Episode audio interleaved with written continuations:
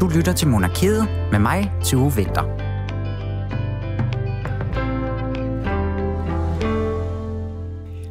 Jeg blev i sin tid kasseret, da jeg var til session i forsvaret, og hverken før eller siden, der har jeg egentlig haft særlig meget berøring med noget som helst, der har med krig eller forsvar eller militær at gøre. Men det skal ændre sig inden for den næste lille times tid, for i denne uges udgave af Monarkiet, der skal vi snakke om forholdet mellem kongehuset og forsvaret. Det forhold, det skal historiker Michael øh, Breinsborg gøre os meget klogere på lidt senere, men vi starter lige lidt i nutiden.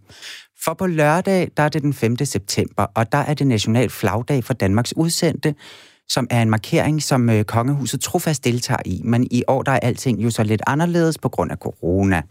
Kronprinsen han besøger dog stadig kastellet til grænsenedlæggelse, men øh, andre arrangementer de er altså aflyst. Jeg får i dag besøg i studiet af Kasper Stefani, som øh, er tidligere udsendt og kadet ved hæren, og han skal fortælle os om, hvad kongehuset betyder for en, som er soldat. Vi skal også runde journalist og redaktør Peter Arnsved Rasmussen, fordi at han mener, at forholdet mellem de to institutioner godt kan blive en anelse for venskabeligt. Men øh, det er et langt program, så øh, lad os se og komme i gang. Jeg hedder Tue Vinter, og rigtig hjertelig velkommen til Monarkiet. I dag er en meget spændende dag, så jeg er sikker på, at de kan forstå, at jeg er en lille smule nervøs.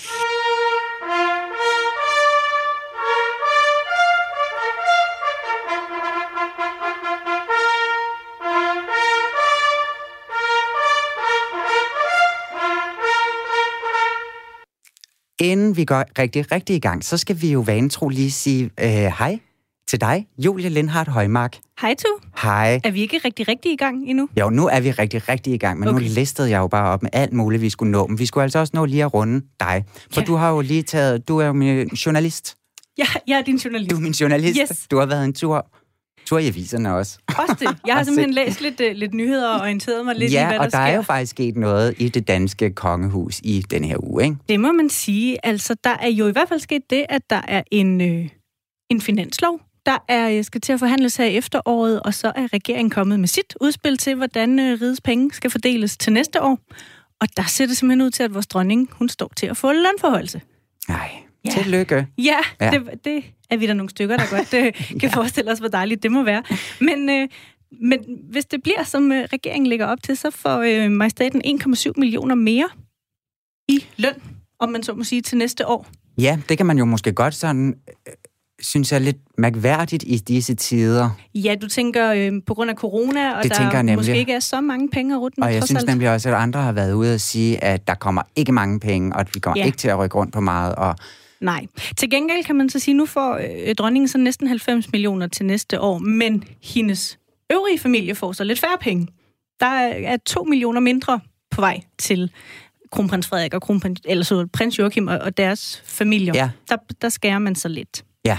Igen, hvis det bliver, som og det har så, regeringen foreslår. Ja, for der er jo ikke noget af det her, der er Nej, vedtaget er endnu som sådan. Første omgang kun forslag. Nej, og så var der jo også en, der så nu også ryger af finansloven. På det den er jo Grevinde? Alexandra, Præcis. som til næste år ikke får, øh, får årpenge længere, fordi hun jo har valgt, at nu hvor begge hendes to drenge, prins Felix og prins Nikolaj, er voksne og myndige, så har hun frasagt sig sin apanage. Så har hun ikke, og det har hun jo efter sine gjort af egen fri vilje, ikke? Jo, mm. hedder det i hvert fald. Ja, det så det var min det. nyhed. Lidt jamen, lønforhøjelse det, på jamen, vej. det er da også spændende. Ja, det er Hvordan, da dejligt. Men om de, om de penge, så vi må prøve at dykke ned i den her panage en gang, har jeg tænkt mig, vi skal Det jule. synes jeg, vi skal. Fordi at det er spændende, om de penge, så altså, bliver hendes lønforhøjelse, er det så Alexandras penge, og så videre? Hvordan Ja. går det op? Er det ligesom en pulje?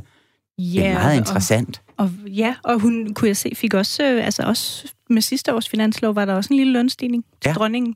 Så Ja. der må være nogen, der synes, hun gør det godt. ja, et, Også det er inklusiv- blandt mig. Ja, netop. netop. Ikke at jeg så synes, at den er, det er øvrige skulle det familie ikke lyde. klarer det dårligere, vel? Nej, men så sagde jeg, men så skulle det jo faktisk også have været i den her uge, at øh, prins Joachim, han skulle have startet sit nye job Ja. som øh, forsvarsattaché i Netop. Frankrig. Og det er jo så rykket nogle uger på grund af hans øh, sygdom, men han, øh, han skulle vist efter sine starte allerede i den her måned senere øh, af det sidste nye. Men det kan være, at vi også kan snakke lidt videre med aftens, eller hvad hedder ikke aftens, dagens gæst er det jo, som vi skal møde lige om lidt. Men tak skal du have, Julie, Selv tak, Tue. for lige at tage os med igennem den.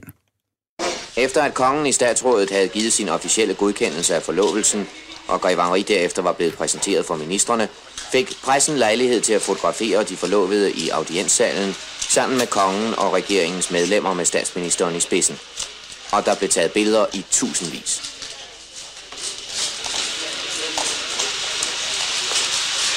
Nu må det være nok. Det er et stort program, der venter. Og nu kan jeg byde velkommen til dig, Kasper Stefani. Tusind tak, fordi du vil komme og være med. Jo, tak skal du have. Ja, du er kadet i hæren, Afghanistan-veteran, og øh, så er du også tidligere konservativ folketingsmed... Øh, kandidat, hedder det. Ja, desværre dog. kun kandidat, ja. ja, men øh, altså traditionen tro i, øh, i det her program, så vil jeg jo rigtig gerne have dig med igennem en lille venindebog, så du kan komme med i den. I min egen venindebog, ikke? Det lyder godt. Det er godt. Så jeg vil starte med at spørge dig, er du royalist eller republikaner? Jeg er glødende royalist. Yes. Hvilket medlem af, den danske, af det danske kongehus er du mest fascineret af? Altså nulevende. Det må du, du helt selv bestemme. Jamen, så jeg har en lille ting for kong Christian den 10., men ellers så synes jeg jo selvfølgelig også, at øh, vores nuværende øh, monark gør det fremragende. Ja, hvorfor Ja. lige Christian den 10. Hvad kunne han? Jamen, øh, dels så var han, øh, havde en stor forkærlighed for den, øh, det regiment, som jeg kommer fra i, i herren, altså den kongelige livgarde. Mm. Øh, og så synes jeg, han, øh, han var med til at samle landet og få os igennem øh, krigen øh, på en øh, nogenlunde øh, ordentlig måde. Altså folk, befolkningen kunne samles som ham, hvor de ikke kunne samles omkring den øh, samlingsregering eksempelvis. Mm. Hvilket medlem af kongehuset vil du helst strande på en øde ø med? Oh, ja. Jeg tror, det bliver ret hyggeligt med øh, prins Henrik, faktisk. Ja. Øh, desværre, øh, nu hvor han ikke er her mere. Men øh, jeg tror, det kunne være ret hyggeligt. Ja. Nu kan du jo også måske som soldat selv det mest praktiske sådan et sted. Så Ja, kan måske det- godt bare have nogen, der kan hygge lidt om en. Ja, præcis. Og derfor har jeg måske ikke behov for kronprins Frederik. Øh, Nej. han har jo rimelig godt styr på Nej, I det. vil bare komme op og toppe sig, hvem der kunne lave den bedste tømmerflåde. Nej, men det vil jo selvfølgelig være kronprinsen. Det vil ikke være mig. Ah, det, lad, det, I må lade det komme an på en prøve en dag, måske. Ja, jamen altså, Jeg er prøver at få sat det op. Jeg Han er jo det. øh, frømand, det er jeg ikke. Nå, men hvis du var regent, hvad vil du så gerne huskes for? Øh, så vil jeg jo nok huskes for en, som kunne øh, samle øh, befolkningen. Ja. Og som, øh, som folk havde respekt for, og kunne se ligesom værdien i, at man har et øh, kongehus. Hvordan vil du gøre det? Jamen, jeg synes bare, man skal se på, hvordan øh, majestaten har, øh, har regeret, øh, hvis man kan sige sådan, øh, landet, øh, siden hun er kommet til. Øh, Jeg synes ikke rigtigt, der er så meget at sætte på hende. Altså, selv øh, ærke-republikaner holder jo af hende, Ja. øh, og kan jo se værdien. Øh, så det, det er jo mit svar. Ja, jeg tror, at vi alle sammen, det kan vi mange godt blive enige om i hvert fald. Hvem vil du helst drikke dig fuld med? Prins Joachim, tror jeg. Ja. Hvor, hvor, hvorfor? Jamen, øh, jeg synes, han har et ret dårligt, øh, eller det er så blevet bedre, hans renommé, men altså mit indtryk af ham er, at han er en, øh, en meget begavet øh, mand, og en, øh, en hyggelig mand, i hvert fald det er i hvert fald oplevet som, øh, som vagtgående øh, garder. Øh, og det kunne egentlig være hyggeligt at drikke et par, par øl med ham. Han, han slog sig jo også lidt løs sådan i øh, 90'erne over på nogle øh, provinsdiskoteker. Øh. Ja, men Og der er de måske ja. ikke så meget anderledes end os andre. der Nej, det tror jeg øl. ikke. Jeg tror, det er drøn sjovt. Ja, jamen tak for det, så er du altså kommet med i min vennebog, venindebog, kom jeg til at kalde det før. Men det, det svinger bare bedre, ikke? Det er helt i orden. Ja. det er perfekt. Men nu hvor du selv, øh, selv lige nævner prins Joachim her, ikke, så synes jeg faktisk lige, vi skal prøve at starte med hans øh, nye job. Fordi det er jo faktisk noget, som du ved noget om, kan jeg forstå. Fordi at du har selv arbejdet for en forsvarsattaché. Ja, det er rigtigt. Jeg var øh, praktikant øh, for, øh, den, for forsvarsattachéen i London, altså på den danske ambassade i, Ja. i London. Det var jeg et halvt års tid. Hvor sidder, altså er, er forsvarsattachéen, er det under ambassaden? Ja, altså det er en del af ambassaden, og normalt, så vidt jeg husker, det, i hvert fald, i hvert fald- det var det i hvert fald i øh, London, så er øh, forsvarsattachéen lige under øh, ambassadøren. Okay, hvad laver han? Jamen, han sørger for, øh, eller hun øh, sørger for, at samarbejdet mellem øh, militæret i for eksempel i England og Danmark, at det øh, går som det skal. Øh, sørger for at holde, opretholde et netværk, så man kan se, hvad sker der i det pågældende land. Er der noget, vi kan gøre øh, bedre? Er der noget, vi kan udbygge vores samarbejde på en eller anden måde? Øh, oplyse Danmark om, hvad øh, det pågældende land øh, går og går og foretager sig. Øh, og så er der jo en hel masse øh, koordination og samarbejde i sådan noget militær, øh, i de forskellige øh, militære organisationer. Altså Danmark og Frankrig har jo et, fået efterhånden et tættere forhold, når det kommer til, til forsvaret, så giver det også kun god mening, at man har en, øh, en attaché dernede, som ligesom er mellemlanden, mellemmanden eller bindeledet mellem den danske regering og så den, øh, den franske regering. Ja. Så det er øh, netværk? Det er dels netværk, men, øh, men det er også ligesom at være bindeled mellem øh, de forskellige øh, organis- eller organer og institutioner i, øh, i de pågældende lande. Ja, okay. Så er det måske meget smart at sætte den kongelige på den post. Ja, ja, ja altså specielt når det kommer til netværksdelen, ja. øh, men også fordi prins Joachim er jo ikke, øh, han er jo fagligt øh, i stand til at udføre den opgave, som det er at være, fag, som det er at være forsvarsattaché. Altså, han taler sproget, han ved noget om Frankrig, og han er gået på en af de øh, bedste militære uddannelser. Nu kan jeg ikke lige huske, hvad skolen hedder, men den er lige blevet færdig med. Øhm, ja, militær øh, skole. Jeg, ja, ikke. Noget, noget, noget i den tur. Men, øh, men, men han er både... Øh, han har Kold militær, tror jeg, han hedder. Undskyld, ja, der var ja, det er godt passe. Ja. Det er pinligt, jeg ikke ved det faktisk. Men... Også mig. Jeg står og har et program om det her gang ud. Ja. ja. Det, ja, undskyld. ja, men, øh, men altså både fagligt, men også øh, i og med, at han er jo halv franskmand, trods alt, øh, så ved han jo også lidt om det land, som han nu skal, skal arbejde øh, ned i, og det, det synes jeg, det giver ret god mening, at det så er ham, der blev forsvarsattaché. Ja. Hvad tænker du om, at der så ikke var sådan helt ubetinget opbakning til, at han skulle derned og arbejde?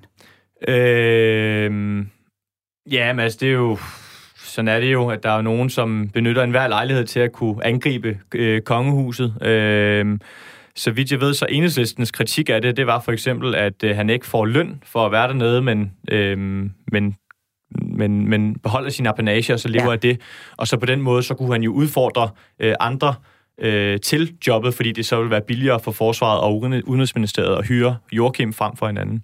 Ja, okay. Simpelthen fordi de sparer lønnen. Ja. Øh, men, men der er jo selvfølgelig også nogen, som har mistænkeliggjort om, hvorvidt øh, prins Joachim han fik det, fordi han var prins, og øh, derved ikke var klar til at varetage opgaven, men, øh, men det giver ikke rigtig meget for, de har jo heller ikke så meget belæg i, i deres anker omkring prins Joachim som forsvarsattaché. Mm.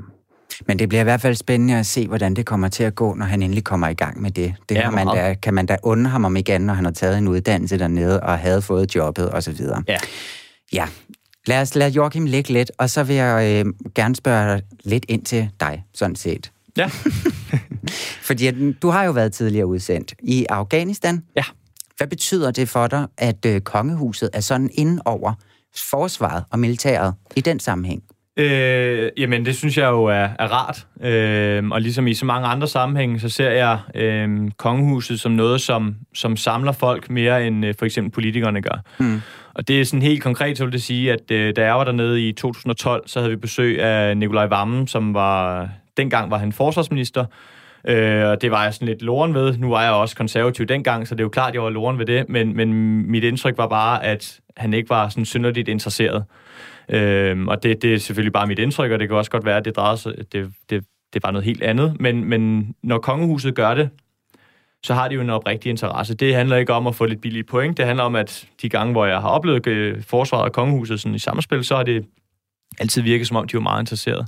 Og, øh, og det, som at en forsvarsminister lige kommer ned, altså som i øvrigt i, i forvejen bliver skiftet ud hver andet år, ja. øh, nærmest, øh, så betyder det bare mere for os soldater, at der kommer en, en kongelig, som, øh, som samler mere end, øh, end en politiker. Altså, det, det er jo bare mere spændende, når en kongelig kommer på besøg end, end en eller anden politiker. Ja, så der kan man måske mærke sit øh, fædreland eller hjemland på en anden måde, eller? Ja, altså, det er jo et symbol på, på Danmark, ikke? Og, øhm, og der er jo lidt, lidt, lidt dansk hygge ind over, at, øh, at vi har et kongehus, synes jeg, og der, øh, så minder det da egentlig lidt om at, at være om, om hjem. Om hjem. Ja. Altså, det er jo det, man savner allermest, når man er afsted, ikke? Det er jo at være hjemme. Og der kan kongehuset godt på en eller anden måde være en, øh, et stykke af, af Danmark, der lige kommer på besøg, eller det er det jo sådan set.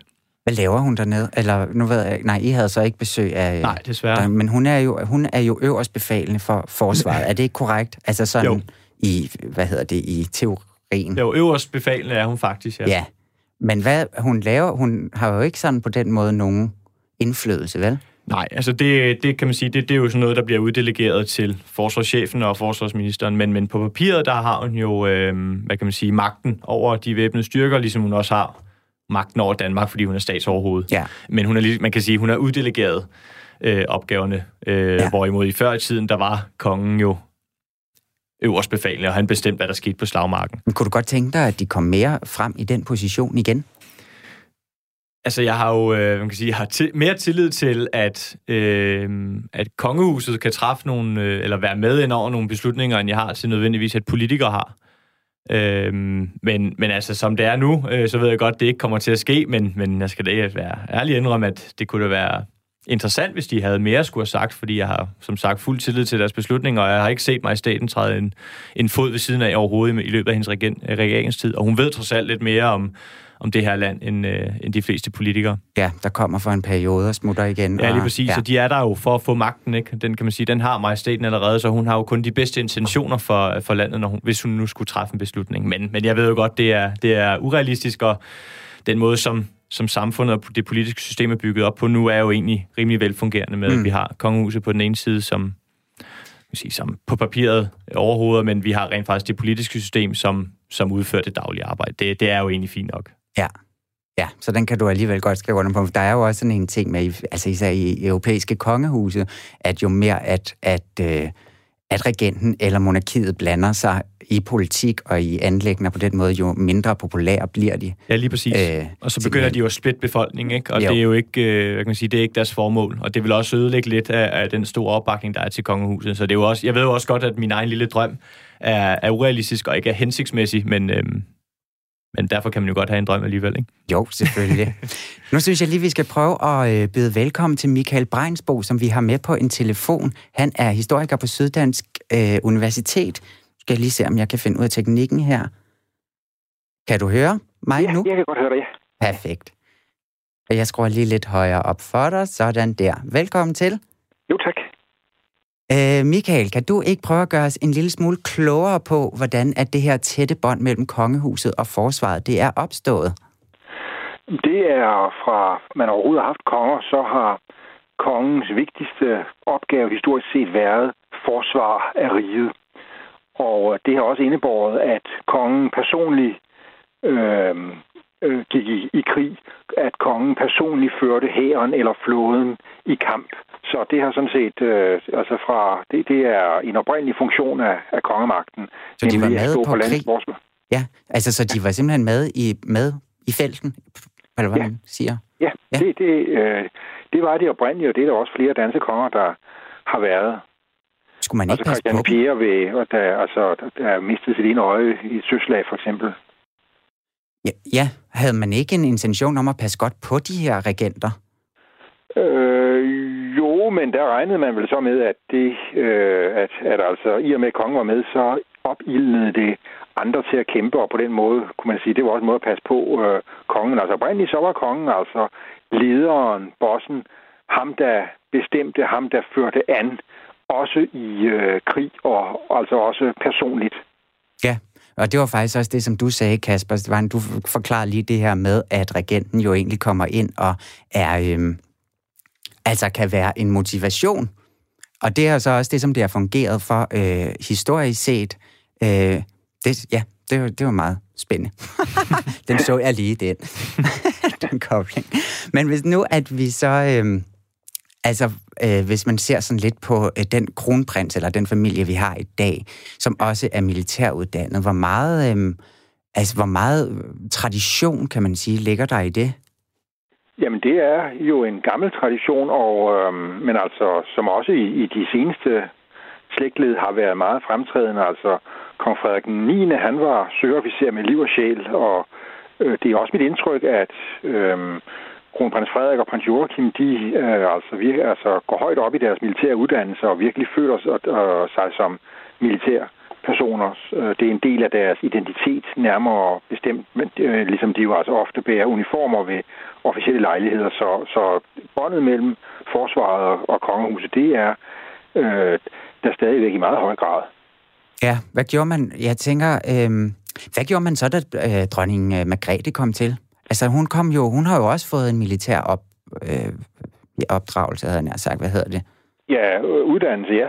Opvækst. Ja, hun har øh, deltaget i sådan nogle øh, altså militære kurser, som kvinder kunne have mulighed for at deltage i øh, dengang, ja. Ja. ja, fordi at man skulle tro, at det var i hvert fald sådan... Øh, altså, for tror du, det vil fortsætte sig også med, med, med prinsernes børn? Ja, altså i hvert fald med... Øh, Øhm, prins Christian, nu ved vi jo, at prins Nikolaj droppede ud fra en militær uddannelse, men han er jo også så langt ude i affølgen, så han næppe nogensinde kommer i nærheden af kongetronen. Men jeg vil da gå ud fra, at prins Christian også skal i gang med en militær uddannelse, når han øh, når den alder. Hvad betød det egentlig for kongehuset, tror du, at øh, Nikolaj ligesom droppede ud? Det var et, et øh, alvorligt brud på en meget gammel tradition. Så det har, det har, det har nok været noget, der har øh, betaget dem med begejstring, men omvendt må man sige, at prins Nikolaj er så langt øh, ude i affølgen, så øh, han næppe alligevel nogensinde ville være blevet konge, så det er trods alt til at bære. Mm. Det kan også måske være et tegn på en eller anden form for fornyelse. Kan man sige det? Øh, ja, måske, eller i hvert fald tegn på, at altså, det ikke alle er måske parat til at spille den rolle, de er født øh, ind i, i kraft af, at de er, er, er øh, børn af øh, medlemmer af kongehuset. Det kan godt være nogen, der så hellere vil gå deres egne veje, og ikke, ikke bare følge familietraditionen og gøre, hvad man altid har gjort, men altså vil, vil selv forme deres, der, deres liv, sådan som de øh, på egne præmisser, så at sige. Ja. Ja, fordi det var det ret vildt, at han hellere ville ud der og være model, og han får heller ikke den flotte gala-uniform på. Fra, Nej, det, når han ikke øh, tager den der militæruddannelse, så får han heller ikke, ikke det. Nej, der, altså, så kan det være, at han får et rigtig flot øh, Gucci-jakkesæt i stedet for. Det kan nok være, det må også han hellere, det må også han hellere vil. Lige præcis, men hvis nu vi vender lidt tilbage til for eksempel Christian den 10., der var under krigen, ja. øhm, hvordan øh, altså, positionerede han sig også som den her militær øh, magt? Jamen, han var en øh, militær person, altså af sindelag og væsen og sådan, og øh, han havde jo til at starte med lidt svært ved at indordne sig under øh, demokratiet, og hvor med politikere, der måske ikke øh, delte hans militære holdninger, men der var det, han fik en lærestreg ved Polskrigen 1920, og siden da så holdt han sig øh, inden for, øh, for, for rammerne, så blandede han sig ikke i politik, og slet ikke, mm. når han gik imod, øh, hvad, den, hvad det siddende flertal ville. Men det er rigtigt nok, i flere situationer, både 1. og 2. verdenskrig, der var han inde over beslutningsprocessen i militære spørgsmål. For eksempel om øh, man skulle indstille kampene tidligere om morgenen den 9. april 1940. Så der, der var han altså med i overvejelserne omkring det, men det skal siges, at de beslutninger, han tog, dem var der flertal for øh, i det parlamentariske system, så han altså besluttede ikke noget imod, hvad der var flertal for, men han var altså aktivt inde i overvejelserne. Stoppede det med ham? Ja, ja. det må, må man, man sige. Der har altså øh, sidenhen så har, har kongerne altså, øh, ja måske nok i, altså når de ved møder med regeringen, måske hvis de havde deres egne meninger, har de sagt det, men det er ikke noget, der er noget uden for palæets tykke mure. Det, det har de, og ellers har de holdt deres private meninger for sig selv. Mm. Nu var vi lige lidt inde på det, men hvad tror du, øh, fremtiden ligesom vil bringe i det her? Øh, altså vil der stadig, vil der altid blive ved med at være det her tætte forhold mellem de to institutioner?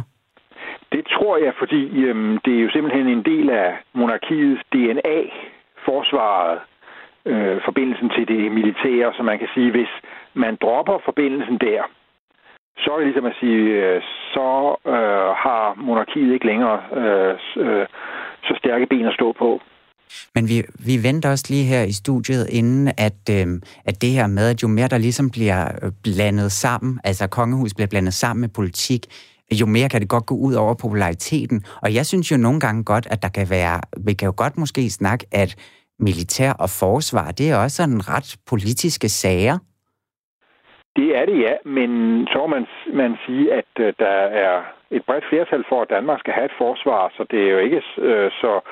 Øh, så, det er ikke, så, så på den måde kan man sige, at der holder de sig blot inden for, øh, for et gældende lov, men øh, det er rigtigt, at der er nogen, der ikke bryder sig om forsvaret, og, og, der vil, og for dem vil jeg sige, og for, for dem vil det jo føles som om, at de kongelige har taget parti for forsvaret og mod dem, der er imod forsvaret. Øh, skal, skal det øh, siges. Så der er godt mm. nogen, der ikke bryder sig om forsvaret, der siger, at de kongelige, de repræsenterer ikke mig, for de er, er en del af forsvaret. Ja, og så er det jo ligesom det samme, og man kunne ja, jeg ved heller ikke, hvor mange der ligesom er ude i det danske samfund, der nemlig ikke går ind for et forsvar, eller i hvert fald sådan Ja, det, det ved jeg sådan set ikke noget nej, nej, Men jeg nej, tænker nej, bare, at det er lidt ligesom sådan, og lidt måske også som at gå ind for kongehuset, det er også de der, ja, 80 procent eller sådan noget.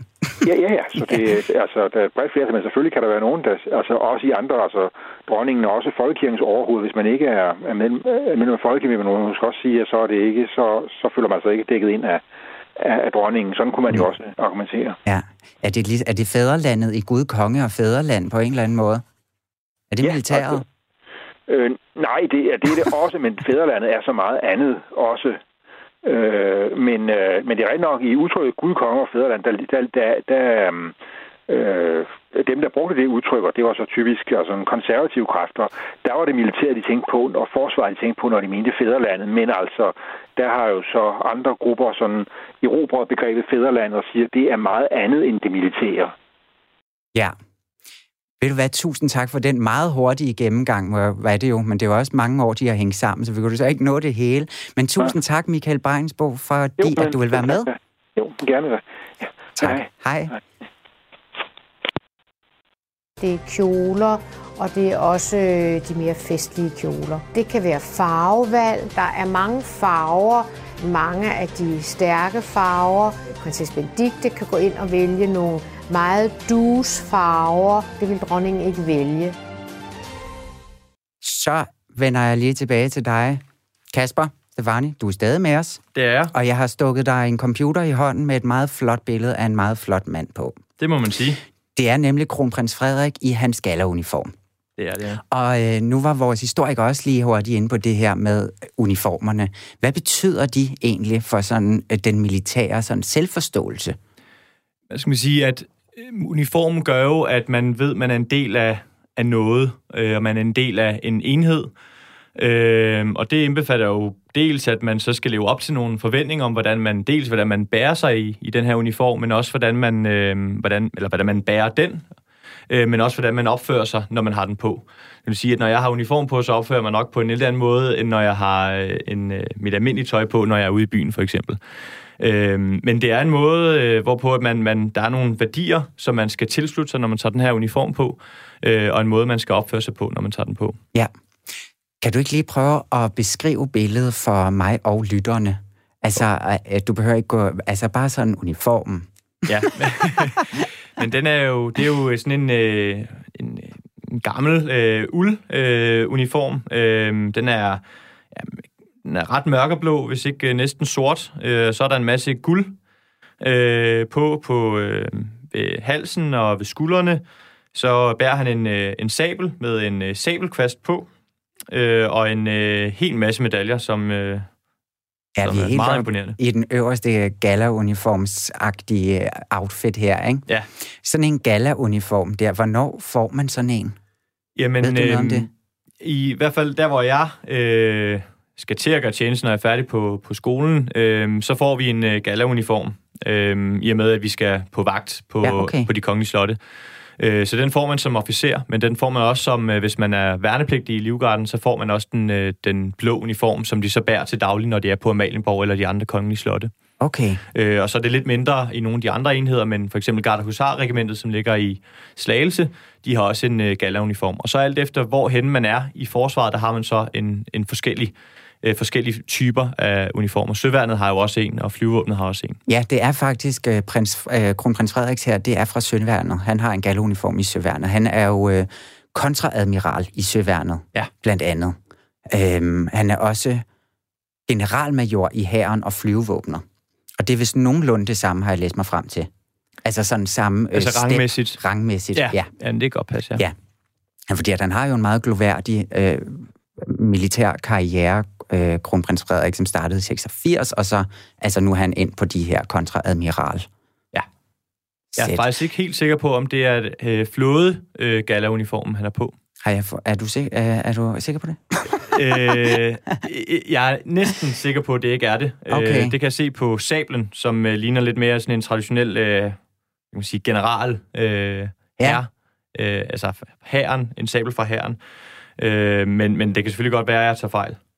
Ja, det tror jeg. Okay, men det, det, det gør jeg jo også en gang. Nej, det er bare overhovedet ikke sikkert, fordi at jeg må altså sige, at de ligner noget hinanden, alle de her. Ja. Men, og noget, som jeg nemlig også tænkte over, jeg kiggede også på et billede af ham fra hans bryllup, hvor at der er jeg altså næsten 100% sikker på, at det var fra flåden. Det kan godt passe, Han havde den på. Hver, hver konge er ligesom tilknyttet øh, et værn mere end det andet. Altså Ja. for eksempel prins Henrik var lidt mere i flyvevåbnet, Christian 10. var i hæren, øh, Frederik 9. var jo så, som historikeren sagde, øh, en søværnet, så det er jo den, ja. Han bar. Han, altså han bar for eksempel søværnets galleruniform mere end øh, de andre hvis, nogensinde, hvis han nogensinde bar nogen af de andre. Og Så- der er kronprins Frederik jo. Hvordan var det? Hvordan kunne du spotte det, at det ikke var måske er den? Jamen, det er dels for øh, hans distinktion, øh, altså den rang, han har op ved skuldrene. Det ligner lidt mere en øh, generalmajor i hæren. Ja.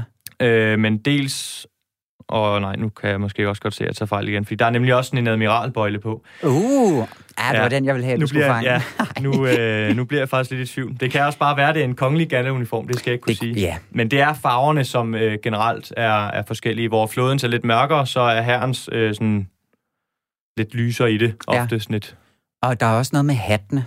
Ja. Ja. Han har så ikke hat på på det billede, jeg Nej, viste så den nej. behøver vi ikke gå så meget ind i. Men der er noget med herrens, der er sådan en meget flot lige hat. Ja, og så, Og så er går den sådan ud i en spids Ja. i, øh, foran, ja. Ja, den er lidt mere sådan enkel i forhold til nogle af dem, hvor der er fjer og alt muligt gejl på, som Ja, er jo præcis. meget imponerende. Men de er ret vilde, de her uniformer. Det er lidt ærgerligt, at det er sjældent, man snakker så meget om, som man altid snakker om kjolerne, når der er de her store. Ja, det er lidt ærgerligt, ja. De er ret vilde. Hvad, ved du noget om, hvis du skal, skal man selv anskaffe sig sådan en galauniform? Altså, skal du selv ud og anskaffe dig en? Øh, nej, altså som... Den får man bevillet, eller? Ja, den, den får man til, den låner man, så længe man er øh, i en enhed, hvor man skal bære den, eller hvor man skal Okay. bruge den.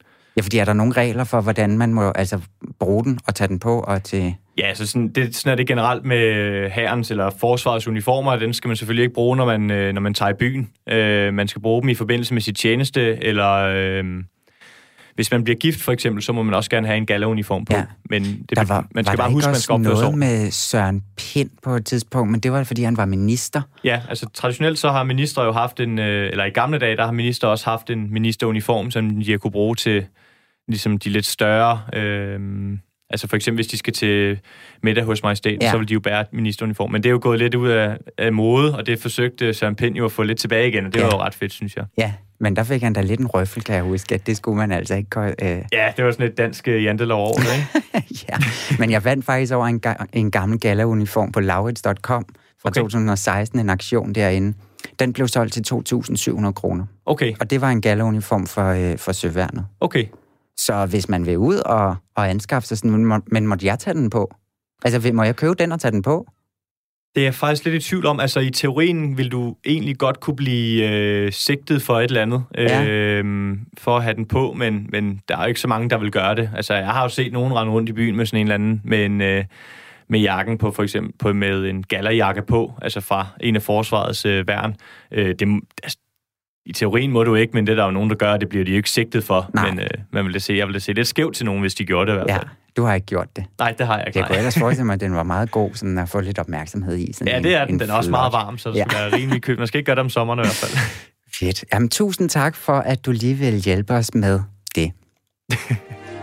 Papa, man siger, at den man elsker, tugter man. Vi tvivlede aldrig på din kærlighed. Til tider var den måske lidt overvældende, og føltes måske også lidt tilfældig. Som barn følte jeg mig tit lidt magtesløs overfor din stringente logik, din klare syntaks og dit galliske temperament. Ja, nu skal vi hilse på en gæst mere, fordi at i januar, der kørte forsvarsmediet Olfi historien om, at øh, kronprinsen deltog i hemmelige møder med toppen af forsvaret i nogle øh, sådan loge-lignende arrangementer. Og med på en telefon, der har jeg nu Peter Ernstved Rasmussen. Du er redaktør på Olfi. Kan du høre mig? Nej, Peter? Det kan du tro, jeg kan høre. Ah, det er godt. Og nu kan jeg også høre dig. Det var godt. Ja, perfekt. Det er godt. Du er faktisk også vores øh, kollega her på Radio 4, for du har også dit program Frontlinjen, som også kører. Det kunne vi også lige få med.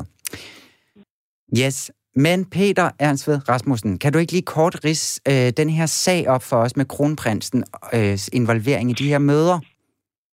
Det kan du tro. Altså, øh, sagen er den, at øh, kronprins Frederik havde igennem mere end 20 år en personlig livvagt, der hedder Hans Herluf Pedersen. Og Hans Herluf Pedersen, han var i politiets efterretningstjeneste som bodyguard, og han var sidenhen chef for det, der hed Gamma-gruppen, som var øh, den bodyguard-tjeneste, der virkede i kongehuset. Han kom så sidenhen til øh, forsvaret, hvor han nu sidder som efterforskningschef i det, der hedder Forsvarsministeriets auditørkorps. Og Forsvarsministeriets auditørkorps er en militær politi og anklagemyndighed inden for forsvaret. Øh, han har besluttet så på et tidspunkt her for formentlig en to år siden at øh, lave nogle møder, øh, hvor hjemme hos sig privat, hvor mødedeltagerne skiftede lidt, men de faste gæster, det var kronprins Frederik, det var forsvarschefen, og så var det skiftende øh, ledende medlemmer af forsvarets øverste ledelse. Og det seneste møde, vi kender til, og som jeg skrev, det var den 6. november sidste år, hvor chefen for Søværnet, det er kontradmiral Torben Mikkelsen, chefen for Specialoperationskommandoen, det er generalmajor Peter Bøjsen, øh, deltog, og sammen med chefen for flyvåbnet, der er generalmajor Anders Rix. Og derudover... Men hvad må jeg så... Ja, Ja, så, så, så, så, og det er her, det bliver interessant. Ja. Altså, der deltog så også Nils Wang. Han er pensioneret kontradmiral, men er i dag øh, direktør i den civile brancheorganisation Naval Team Danmark. Og det, der er interessant her, det er, at møderne har jo fundet sted flere gange. Det har forsvarschefen bekræftet. Og mange spørger sig selv, hvorfor er det et problem, at han mødes? Så kan de ikke bare gøre det? ja det var nemlig kan mit de næste spørgsmål. umiddelbart godt gøre, hvis det netop er tale om, at det er gamle venner, der har en kort klub, eller har gået på studie sammen, eller hvad ved jeg. Det, der er problemet ved denne her møderække, det er, at det ikke er gamle venner. Det er embederne, der mødes. Det vil sige chefen for Specialoperationskommandoen, chefen for flyvevåbnet, chefen for øh, søværnet. Når en chef er blevet skiftet ud, Altså, når der er en, der er gået videre, så er den nye chef kommet ind. Og det er jo der, at det får karakter af en orientering til kronprinsen og auditørkorpset om, hvad der foregår internt i forsvaret. Er det et problem? Ja, det er et problem. Fordi kronprinsens, øh, kronprinsens adgang til forsvaret går gennem regeringen. Og det er meget simpelt. Når kronprinsen han vil vide, hvad der foregår i forsvaret, og han vil have et møde op, hvor han bliver orienteret, så skal han gå gennem sin kabinetssekretær, der kontakter statsrådssekretæren. Det er departementchefen i statsministeriet, og så kan man sætte et møde op. Det Men er her, kronprinsen det er ikke i sig selv også en del af, af, af den her forsvarstop? Nej, Nej. det er han helt bestemt ikke. Han er monark, han er kommende konge. Og vi har et konstitutionelt, konstitutionelt monarki i Danmark, hvor vi har nogle civile, demokratisk valgte ledere, og så har vi et monarki, som reelt set ikke har nogen indflydelse. Og problemet er, at hvis kronprinsen begynder at mødes med ledende officerer i forsvaret og får briefinger om, hvad der foregår uden regeringens vidne, så skaber det mistanke om, at det er møder, hvor han bliver klædt på om fortrolige forhold i forsvaret. Og der er jo bare det forhold i det her. Regeringen er ikke orienteret, og der sidder en civil direktør i møderækken. Og jeg ved positivt, at der er oplysninger fra de møder, der har ført til, at efterretnings- eller rettelse at auditørkorpset er gået i gang med efterforskninger på eget initiativ på baggrund af oplysninger, der kommer fra de møder. Og der kan jeg Men det er bare så noget, som de har siddet og snakket om. man. Ja, så, men så kan vi konstatere, at så sidder man og taler om fortrolige ting. Så sidder man og taler om personer, der måske har gjort noget, der ikke er hensigtsmæssigt, og så går auditørkorpset i gang med at undersøge det. Og det er et problem, at det foregår uden om regeringens kontrol. Og det er jo derfor, at der er tre professorer, juraprofessorer og professorer i øh, statsforvaltningen, statsforvaltning, der i min artikel kritiserer voldsomt forsvarschefen og hofchef Christian Schønau, fordi de ikke har sørget for, at det går gennem de korrekte kanaler. Og det er jo kun fordi, at det er holdt hemmeligt, at det er et problem. Hmm.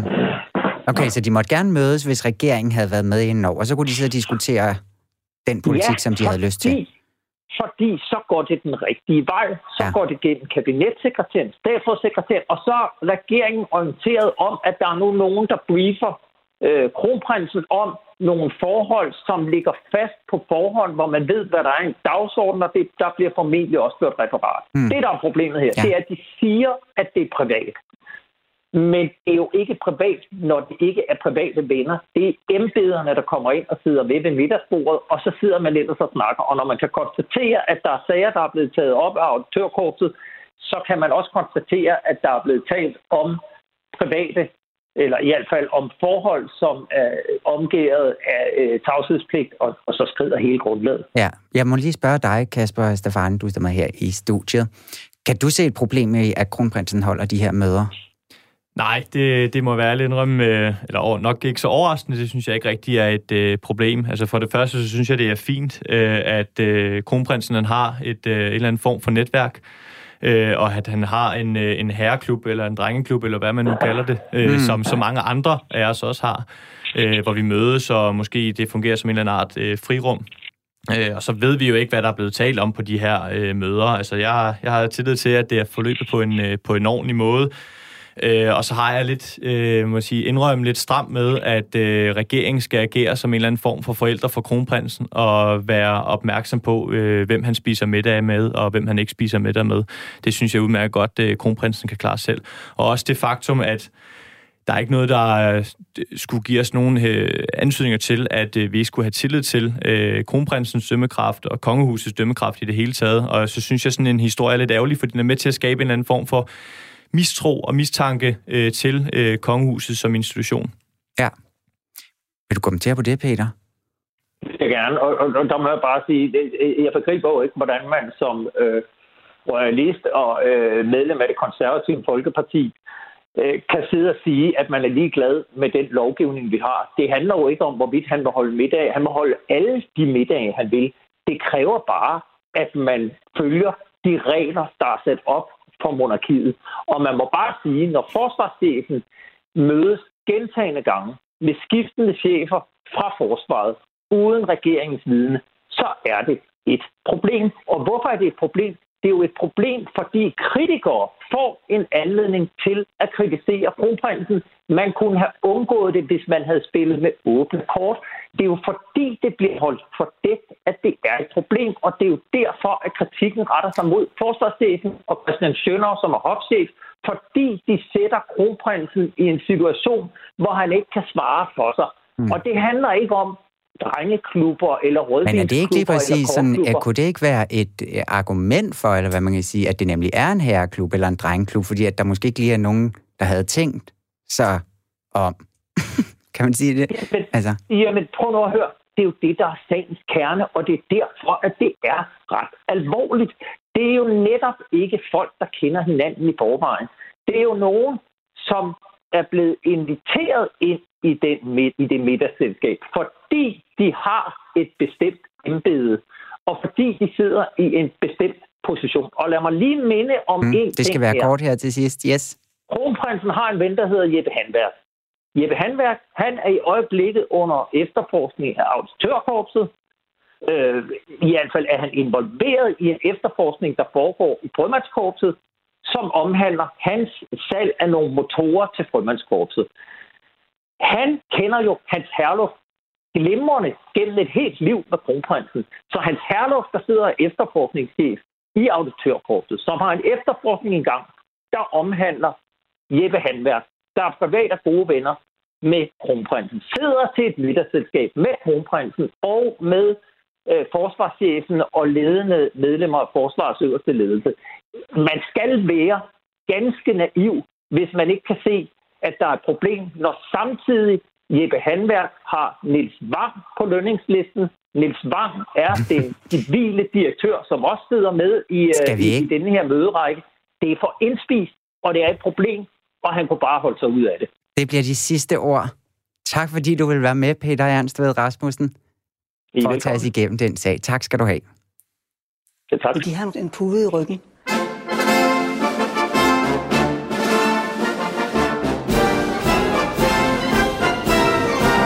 Hvis de vil, så har jeg sagtens lånt dem en pude. Åh, oh, det vil jeg vældig gerne have. Øh, hvor er mine møbler blevet? Nej. Jeg Men tror, lad os bare se, det er meget nødt at sidde på en pude. Hvis jamen, det er bestemt ikke Og det er til ryggen, vi jeg tænker. simpelthen for... Oh, tusind tak. Jeg synes, det kunne, jeg kunne se, at de følte dem lidt langt tilbage. Det er rigtigt nok, øh, men jeg troede, jeg skulle sidde på en pude. Det nej, nej, nej, nej, nej, nej, nej.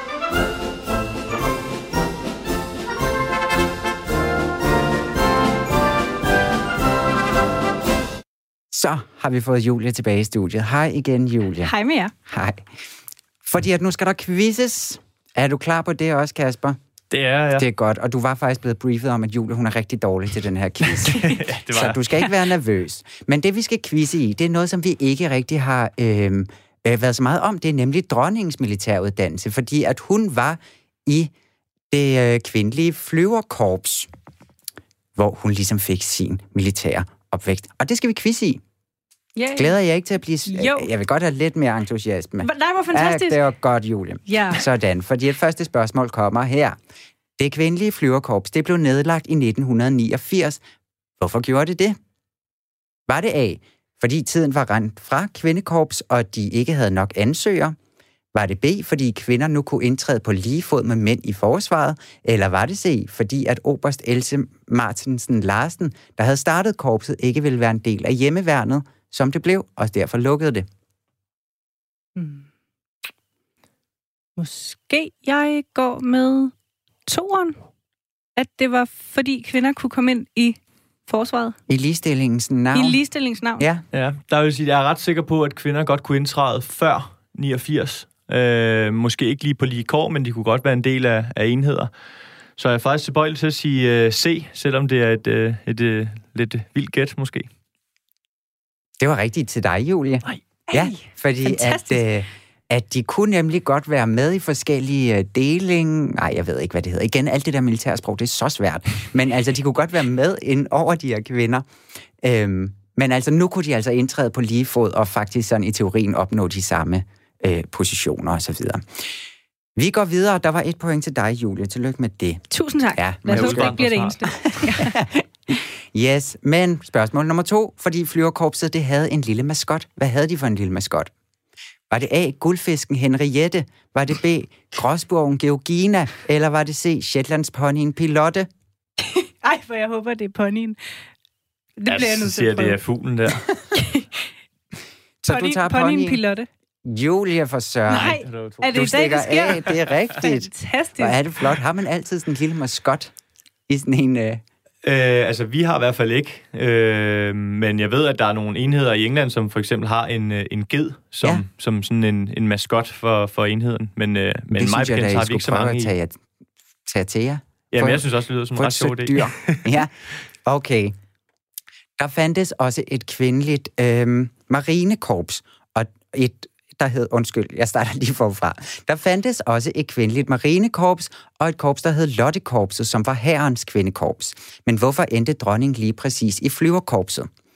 Var det, fordi hendes bedstefar, kong Christian den 10. var i hæren, hendes far Frederik 9. var i søværnet, og derfor så gav det altså god mening, hun skulle i flyvevåbnet? Var det B, fordi flyverkorpset var nyt, og det skulle have noget opmærksomhed, og derfor satte man Margrethe ind i dette korps? Eller var det ren og skær øh, Margrethes interesse? Det var det, hun havde mest lyst til. Nu synes jeg, du må gætte først den her Jamen, gang. så siger jeg øh, A. Mm, så går jeg med C, fordi det var det, hun selv ville. Det var rigtig flot, Kasper. Endelig. Og du var jo faktisk også inde på det lidt tidligere, at de nemlig prøver sådan at skifte lidt mellem de tre øh, der. Så der var altså et point til dig, hvor var det bare flot. Så slipper jeg for den totale ydmygelse. Ja, Ja, det kan være, du når ud ja men den havde du ikke fået lige meget været. Nu kommer aftens sidste spørgsmål. Margrethe blev i 1966 udnævnt til løjtnant af anden grad til afslutningsfesten for løjtnanterne. Lavede Margrethe noget underholdning? Hvad optrådte hun med? Havde hun skrevet et, et øh, humoristisk digt om, hvad lykke var? Lavede hun en parodi på hendes øverst befalende, hende her Else Martinsen Larsen? Eller lavede hun en lejlighedssang, hvor hun havde skrevet et vers om alle sine korpskammerater? Ja, tre gode muligheder, hvis jeg selv skal sige det. Jeg går med lejlighedssangen. Du tager Det kunne jeg godt lejlighedssangen. se for Ja. Ja, den vil jeg egentlig også. Men man må øh, gerne gætte på det samme. Det må vi godt. Det må man godt, ja. Det er en dårlig idé, Kasper. Jamen, så, så jamen, jeg tror også... Nej, jeg tror ikke, det er lejlighedssang. Jeg tror, Nej. vi øh, siger, det er den om hendes øh, øverstbefalende. Så er der ingen point i den her runde. Jeg prøvede at hjælpe dig. Jeg prøvede at hjælpe dig. Hun skrev simpelthen et humoristisk di- digt om, hvad lykke var. Ja, Nå. er det ikke meget sødt? Det må vi lige kan- Og finde. det sluttede af med, at lykken er en cigaret på sengekanten, og at komme hjem. Det er jo simpelthen bare sandt. Det er det bare. Ja. ja. Så det er jo meget smukt. Og Kasper, du var lige ved at udligne i sidste sekund ja. med lidt snyd fra dommeren, men ja. Ja. du greb den ikke engang. Nej. Og så må man tabe. Jamen, det Så er jo Julie, tillykke Tusind tak. med at simpelthen Ja. have vundet en quiz. Hvor er det vidunderligt for Ej, så må dig. jeg komme igen i næste uge. Ja, men du må ikke skræmme vores gæster væk. Nej, det var nej. ellers det, der var. Det er rigtigt. Vi er simpelthen ved at være færdige for i dag. Hvor var det vidunderligt, du vil komme og være med, Kasper Stefani. Selvfølgelig. Det var så spændende. Tak skal du have. Og inden vi lige slutter helt af, så vil jeg sige, at I jo altid er drøgen velkomne til at skrive til os på monarkiet snabel af radio4.dk. Det her program, det var øh, produceret af Racker Park Production, og vi er tilbage igen i næste uge, og I kan finde alle programmer som podcast.